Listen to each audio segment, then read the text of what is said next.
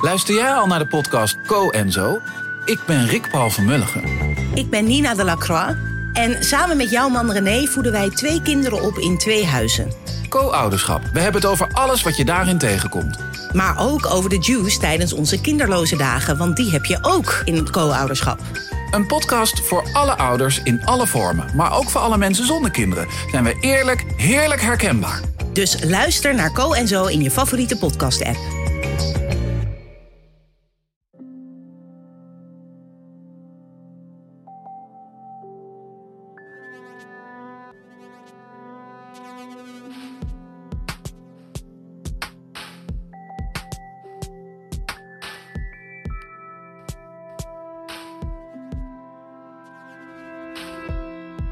Hey, ik ben Pieter van Relaas.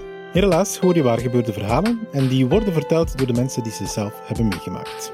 In deze aflevering opnieuw twee korte verhalen. Ze komen uit onze Relaas verhalencarousels. Uh, dat zijn vertelavonden die we organiseren rond een centraal thema.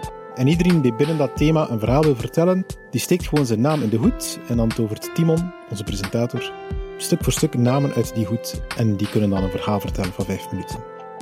Voorlopig organiseren we die vertelavonden online, een beetje ter vervanging van onze relaas vertelavonden, die we jammer genoeg heel sporadisch maar mogen houden tegenwoordig. En waar ook niet zoveel publiek op aanwezig kan zijn. Maar gelukkig is er nog deze podcast, niet waar? Dan kunnen jullie meegenieten van alle verhalen. Twee verhalen deze keer die zich over de zee afspelen, als je het van hieruit bekijkt natuurlijk. Eentje in Cairo en eentje in Zambia.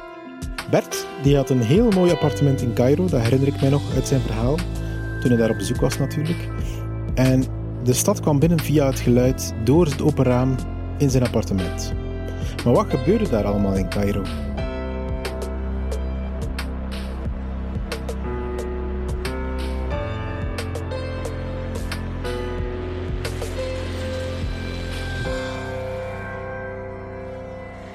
Achter gesloten deuren uh, dan denk ik aan mijn tijd in, in, in Cairo, in Egypte.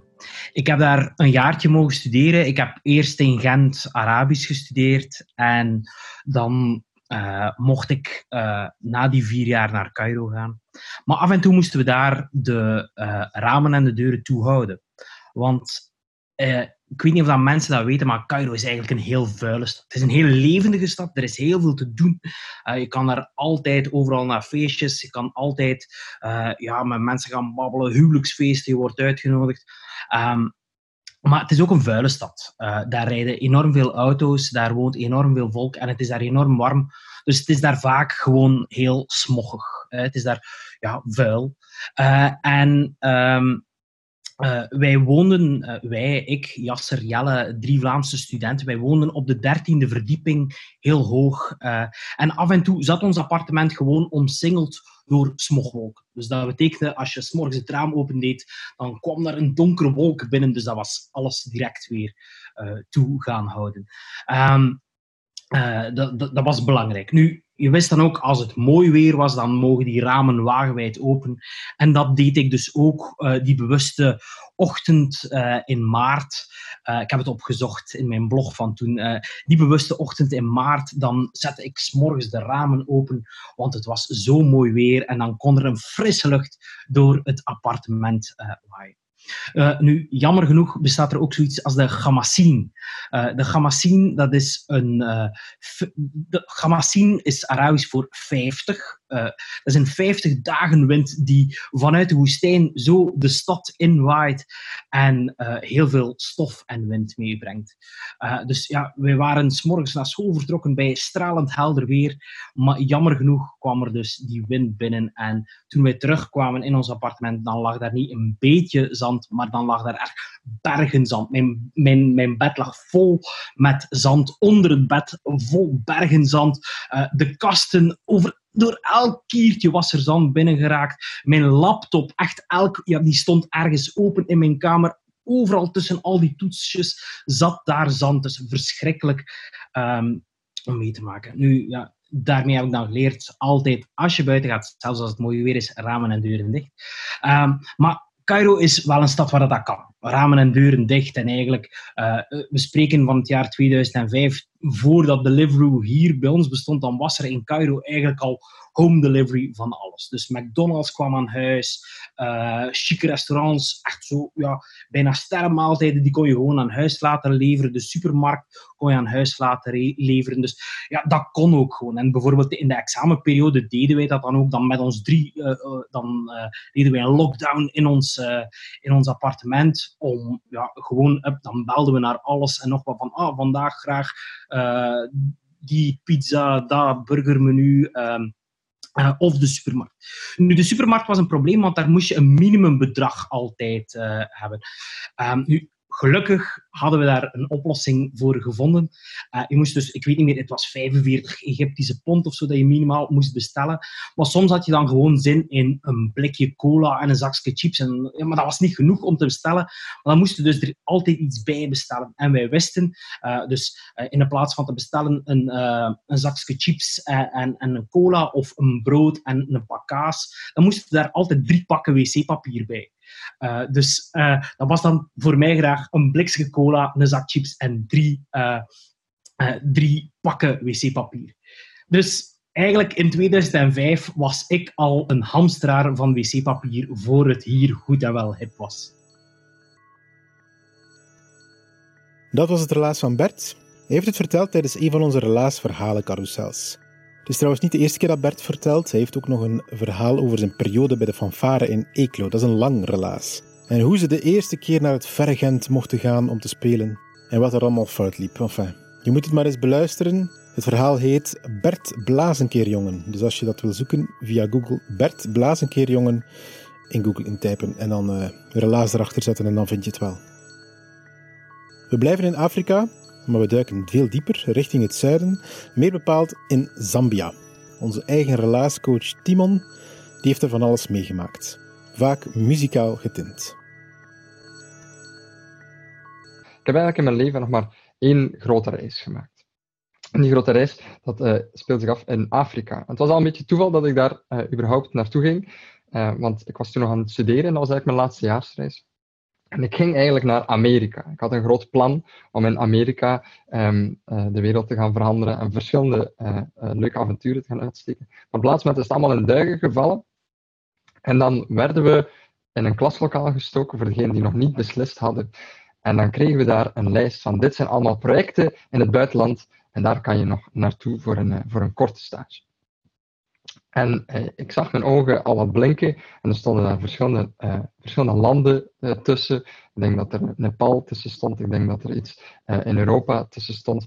Um, maar ik was net opportunistisch genoeg om te denken, hmm, hoe verder, hoe beter. En laat dat ons maar een heel groot, heel ver weg van huis. En ik zag daar een land tussen staan, genaamd Zambia. En Zambia was het enige Afrikaanse land. Dat leek me wel wat. Dus ik zei van, ja, ik wil wel naar Zambia. En plotseling, voor je door hebt, eh, mocht dat ook allemaal. En ik weet niet wat jullie van Zambia weten, maar ik officieel niks. Niks. Uh, dat is een, land ergens in Afrika, dat was mij verteld. Um, maar dat ligt dus onder, um, dat ligt dus onder uh, Congo en uh, Zwaar-Afrika. En ze noemen het een beetje Africa for Beginners. Um, Africa for Beginners, waarom? Omdat, en dat was de reden waarom ik er eigenlijk naartoe kom, Um, ik, was een, uh, ik was een leraaropleiding aan het studeren en ik was een leraaropleiding Engels en esthetica aan het studeren. En de staatstaal in Zambia is Engels. Het is een voormalige Engelse kolonie. En um, uh, Zambia is eigenlijk een heel erg ja, stabiel land, altijd al geweest. Ze zijn onafhankelijk geworden eind jaren 60 ongeveer. En toen um, uh, gingen de grenzen open en hebben ze daar tien fantastische jaren gehad. Uh, de, de, de heel veel natuurlijke rijkdommen die ze plotseling konden gaan exporteren naar het buitenland, enzovoort. enzovoort. Um, maar dus een heel stabiel land, want het heeft, nooit burgeroorlog gekend of het heeft nooit hele grote onrusten uh, gekend. met als gevolg dat het wel een hele fijne bestemming leek. Nu ja, wat was ik ook aan het doen toen, naast mijn studies? Ik was toen vrijwilliger bij een radiostation een Gens radiostation, waar ik, uh, waar ik nu nog altijd werk, eigenlijk. Um, en mijn ogen begonnen ook al een beetje te blinken, uh, namelijk, misschien kan ik daar wat radio gaan maken. radio in Zambia klinkt wel leuk om in Afrika radio te gaan maken. Maar vooraleer ik zelf nog maar op die vlieger was gestapt, kwam mijn, mijn jongere broer naar me. En bij ons thuis, we zijn heel grote muziekfans. Uh, en uh, mijn, mijn, jongere broer, uh, ik heb hem ooit um, heel veel muziek moeten geven om te zeggen naar waar moet ik luisteren. En dan voed je als als oudere broer heb je die taak natuurlijk, om een beetje muzikaal op te voeden. Um, maar na een tijd weet hij veel meer van muziek dan ik. En ik, uh, het ging dus, ik had dus verteld, ik ga mijn eindejaarstage doen in Zambia. En hij komt naar mij, denk twee dagen voor vertrek, en hij geeft me een papiertje. En ik zeg, wat is dat? Ah ja, dat zijn alle Zambiaanse bands die ik ken. En als je daar toevallig ooit een, um, een LP, een plaat van vindt, van die gasten, dan zorg er maar beter dat je die meebrengt. En ik ga je eeuwig dankbaar zijn. En ik zei, oké, okay, ik ga mijn best. Nu, ik ga naar daar. Ik kom bij dat radiostation terecht. Ik heb daar uh, heel veel fijne avonturen beleefd. Maar ik zat dus ergens nog altijd in het achterhoofd met um, mijn broer en die platenlijst. En ik had die platenlijst eens bekeken, want blijkbaar is er in de jaren 70, jaren 60, jaren 70 in Zambia een hele muzikale revolutie gebeurd. Namelijk, ze hebben daar een genre uitgevonden dat heet Zamrock. En Zamrock gaat er eigenlijk over, toen ze onafhankelijk werden, kwamen plotseling de, de Rolling Stones, Jimi Hendrix, alle Britse en Amerikaanse rock and roll binnengestroomd in Afrika. En heel veel bands die zeiden, nou, als we dat eens gaan mixen met wat Afrikaanse ritmes, dan maken we gewoon ons eigen muziekgenre. Zamrock. En de grootste band daarvan was Witch. En Witch was een... Um, We Intend to Cause Havoc, die gasten die waren zo groot als de Beatles en de Stones tezamen in Afrika. Dat waren de koningen vandaar, die speelden het hele continent rond, stadions vol. Um, en, um, en ik dacht, oké, er zullen hier wel ergens platen van die mensen te vinden zijn. Maar wat blijkt, jonge Zambianen, en vooral iedereen bij het radiostation die daar werkte, die kenden hun eigen muzikale geschiedenis gewoon niet meer. Die wisten daar niks van. Die zeiden van, ja, dat is van die grootvadermuziek zeker, van in de jaren 60, 70. Dat draaien we hier allemaal niet meer.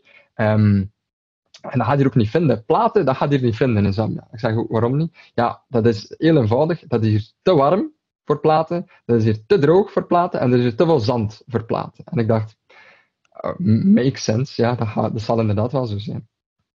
Um, maar die gasten, die waren dus echt wel monsterlijk groot. Hè?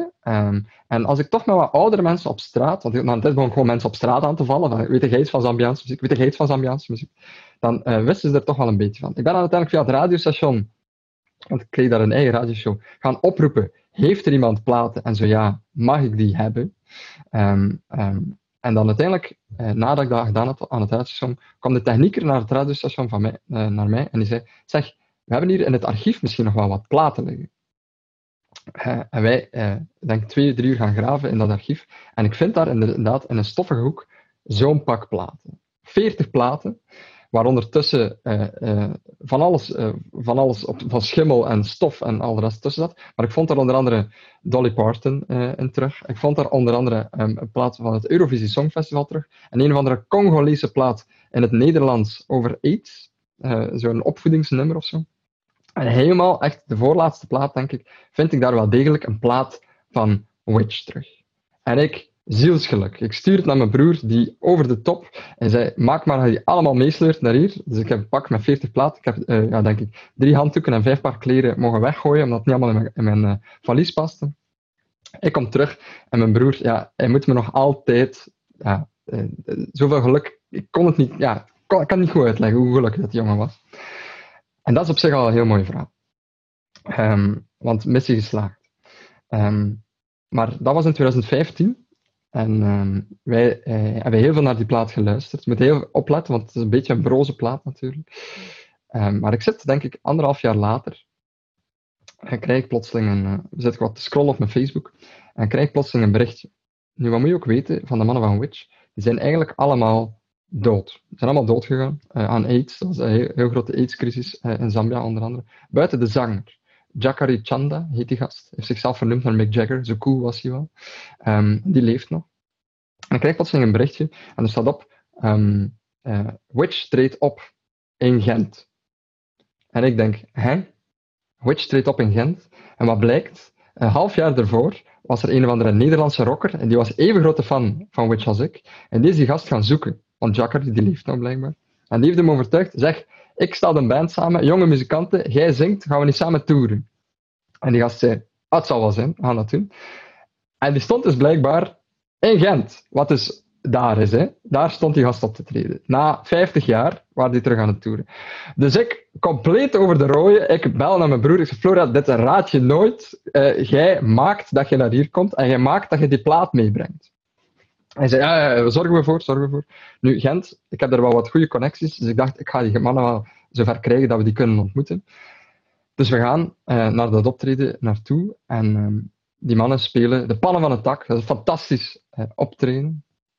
Uh, en Florian had de plaat had hij meegebracht. Nu, wat moet je ook weten, in Zambia, ze hebben daar een speciale manier om iedereen te begroeten. Iedereen doet dat daar. Ze hebben daar een nationale handshake. En dat is, je geeft iemand een hand, en dan geeft hij zo precies een fistbump, en dan geeft hij nog eens een hand. Super eenvoudig. Iedereen doet dat daar als je elkaar ontmoet. Ik had al twee jaar niet meer gedaan, maar dus, ik denk, ik ga die gast ontmoeten.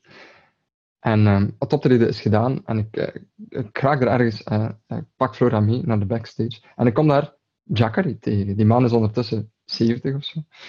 En ik, geef, ik wil hem een hand geven. En vanzelf gaat die man in zijn nationale handshake, geeft hij mij een hand. En zei ik, ja, dat gaat je nooit geloven, maar ik heb een plaat van u. He, de plaat van mij. Ja, ja, ik heb die meegenomen uit Zambia. Ah ja, ja, cool. Um, en ik geef, aan, ik geef aan hem. Hij heeft hem ondertekend voor mijn broer, want dat dacht ik uh, dan ook maar te doen. En um, ik dacht er nog een heel gesprek mee te hebben, maar de man was net iets geïnteresseerder in de jonge vrouwelijke fan die na mij kwam. Dus heb het dan maar gewoon gelaten. En uh, normaal doe ik het niet, maar ik heb hem toch maar even opgeraapt. Dit is die plaat die vanuit Zambia tot in Gent ondertussen geraakt is, waar ondertussen een hele mooie boodschap op staat. En telkens als ik deze plaat opleg, dan weet ik dat ik nog altijd ergens terug naar Zambia ga.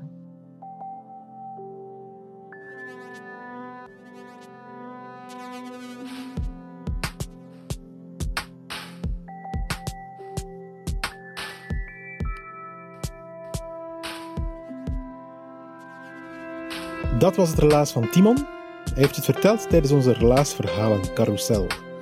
En heeft ons die plaat getoond. Dus bij deze is het verhaal ook gefact-checked. We hebben het gezien. En we hebben zelfs een klein fragmentje van de groep, zodat je weet hoe die klinkt en zodat je ook een beetje in de juiste sfeer van het verhaal komt.